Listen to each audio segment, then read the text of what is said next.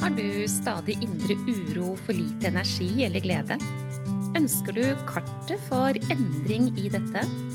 Hver episode er dedikert til å gi deg gullnøkler for livsglede og ro. Du får strategier og innspill som hjelper deg fra nedstemt til oppstemt og fra uro til ro. Vil du ha en gratis oppskrift for å lage deg gode dager? Gå til www.gayabalanse.no for din herlige morgenrutine.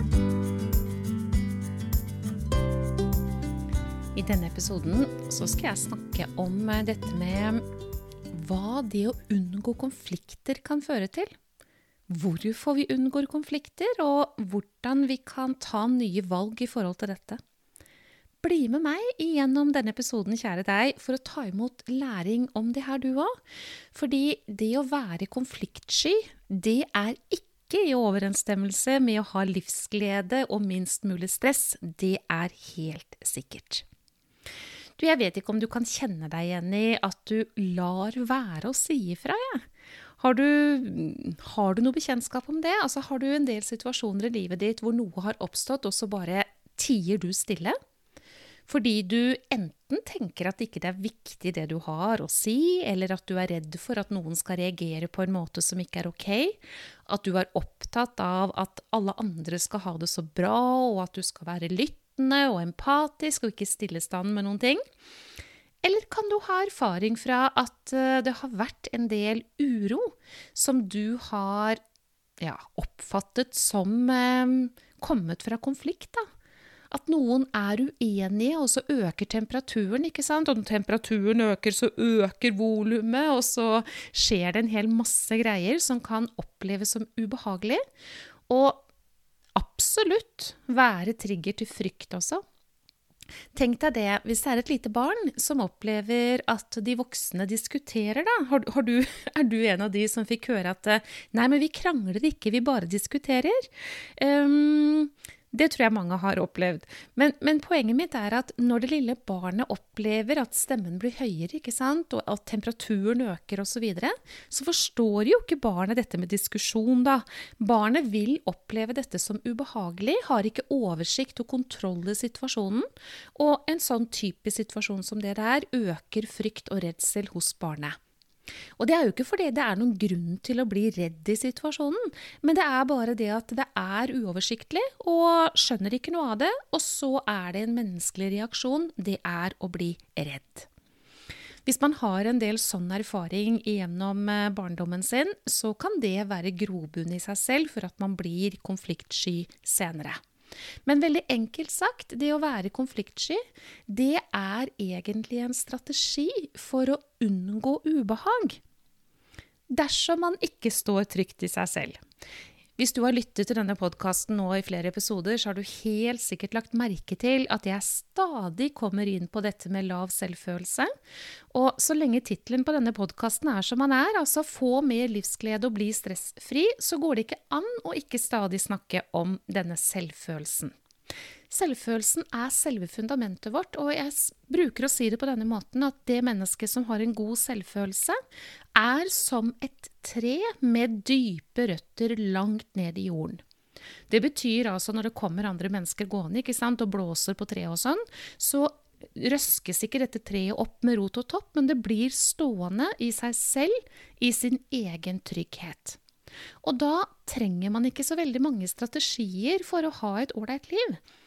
Eksempel så trenger man ikke strategien prestasjon, man trenger ikke strategien perfeksjon.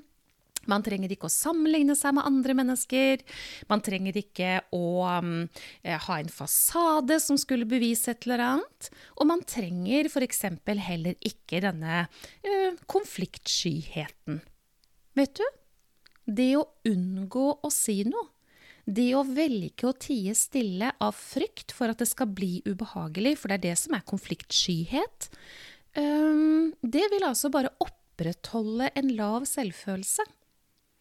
Og det er jo ikke spesielt gunstig når vi skjønner at mengde uro og stress har med hvordan det står til med selvfølelsen vår å gjøre. Så hva skal vi gjøre med det her? Vet du, Jeg har lyst til å fortelle deg at uh, hele tiden, mange ganger hver eneste vanlige uke for meg når jeg snakker med mennesker, så er det dette med eh, selvfølelse vi kommer borti.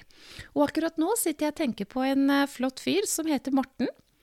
Han uh, hadde en del uro og hadde et høyt blodtrykk og var i det hele tatt uh, litt betutta når han fant veien til meg. Han hadde blitt tipsa av legen sin, og det var kjempehyggelig. For uh, det måtte skje et eller annet av en god endring for han.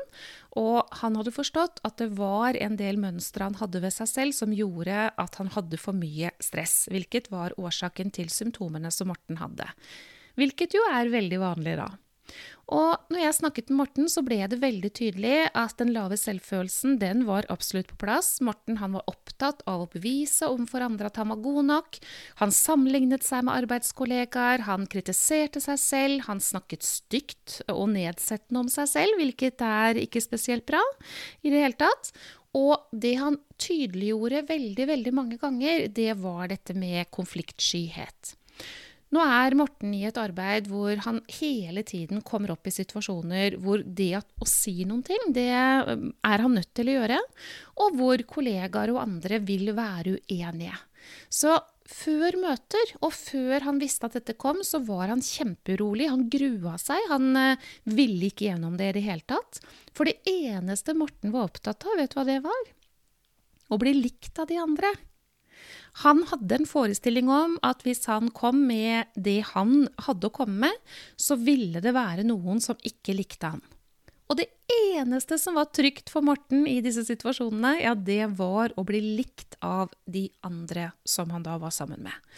Og det der går ikke, vet du, for hvis du er redd for å ikke bli likt, så vil du jo samtidig ofte være redd for å si ifra, ikke sant? Si hva du mener, stå for dine troer, og være i det du faktisk Altså det som er din sannhet, da. Morten, når jeg snakket med han, så ble det ganske tydelig for han at uh, dette med konfliktskyhet, som hadde blitt så sterkt for han da, i forhold til denne lave selvfølelsen hans, det var ifra barndom. Det var en del opplevelser der hvor han kunne helt klart identifisere og kjenne seg igjen i at han som barn var redd når stemmene rundt han ble hevet. Og som voksen, for Morten han var godt oppe i 40-årene eh, når eh, vi snakket om dette, men som voksen så hadde han ikke noe problem med å forstå at de voksne rundt han den gangen han var barn, ikke kranglet, men barnet opplevde det sånn. Og det var det jeg snakket om i stad, ikke sant? Det er veldig typisk. Ok. Det som Morten aldri hadde tenkt på, det var at hans tendens til å være konfliktsky hadde med hans selvfølelse å gjøre. Morten visste ikke dette. Han visste heller ikke at hvordan det sto til med selvfølelsen var helt avgjørende i forhold til mengde stress, uro. Og når vi snakket om alt dette her, så falt jo disse brikkene på plass i hans puslespill, og det ble av avgjørende betydning. Fordi at med den forståelsen så ble han også motivert til å gjøre en endring. Han var rett og slett nødt til å gå ut på treningsarenaen og trekke dype pust, vet du, for å holde fokus og føttene i underlaget, og begynne å gjøre til kjenne det han faktisk hadde å formidle. For som han sa det, altså Mortens egne ord eh, er de jeg skal gi til deg nå. Jeg kommer aldri til å få en bedre selvfølelse dersom jeg sørger for å fortsette med det som gjør at det ikke skjer, sa Morten. og jeg kunne jo ikke noe annet enn å bare gratulere, ikke sant? Det er jo helt riktig. Og han fortsatte også at toppen av idioti, det er jo å gjøre det som ikke fungerer. Og det er også helt riktig, men da må vi først forstå det. ikke sant? Vi må se sammenhengene. Og det ble veldig klart for Morten at dette med konfliktskyhet, av redsel for å ikke bli likt, ja, det måtte justeres. Så det arbeidet gikk vi i gang med. For det går jo bare ikke, ikke sant, å opprettholde det som aldri vil skape en endring. Jeg anbefalte Morten å komme til ytterligere samtaler til meg, så vi kunne jobbe med det her, eh, for å få selvfølelsen på plass. Og inntil neste møte, etter dette første møtet, så sa jeg til han at du, Morten, jeg har en gave til deg som heter Din herlige morgenrutine, og der vil jeg du skal begynne. Jeg vil at du skal ta tak i den, gjøre dette her nå hver eneste dag inntil jeg ser deg igjen. Og um, Morten, han eh, beveget seg fra å være veldig konfliktsky til faktisk å komme dit etter litt tid. Mm, med litt arbeid, ja, for det, det, det skapes ikke av seg sjøl, det her. Men han kom dit hvor han ikke lenger kjente uro i de situasjonene som han ellers hadde hatt det helt forferdelig tidligere. Det er helt nydelig. Din herlige morgenrutine er jo en gave til deg også, ikke sant? Den må du gå inn og skaffe deg på www.gayabalanse.no. Last den ned, ta den imot. Et nydelig sted å begynne i forhold til selvfølelsen din, som er avgjørende for livsglede og det å bli stressfri, leve med minst mulig uro, og muligheten til å møte uro og få ro. Og det, kjære lytter, det fortjener du.